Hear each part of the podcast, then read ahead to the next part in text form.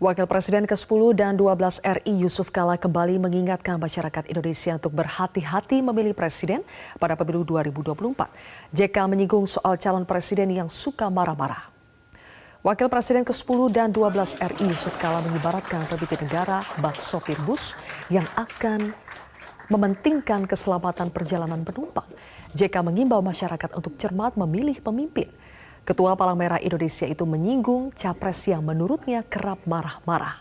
JK menegaskan pemimpin negara harusnya tidak emosional dan memiliki gagasan, sebab pemimpin nantinya akan menghadapi berbagai persoalan negara.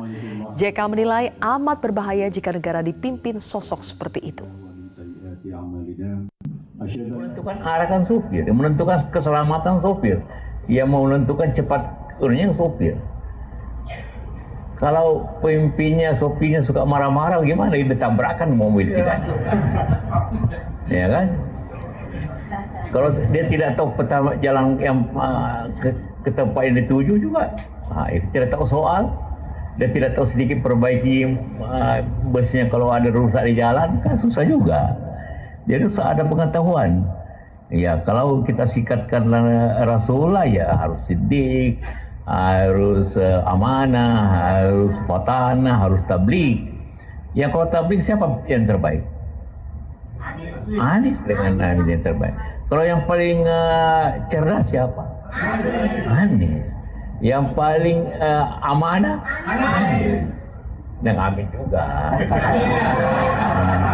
paling jujur siapa? Anies. Itu aja pegangannya sebenarnya. Karena kita kan harus mengikuti anu Rasulullah, ya kan? Kalau kawan kita yang satu marah terus, bagaimana kira-kira negara dipimpin orang yang suka marah gitu kan?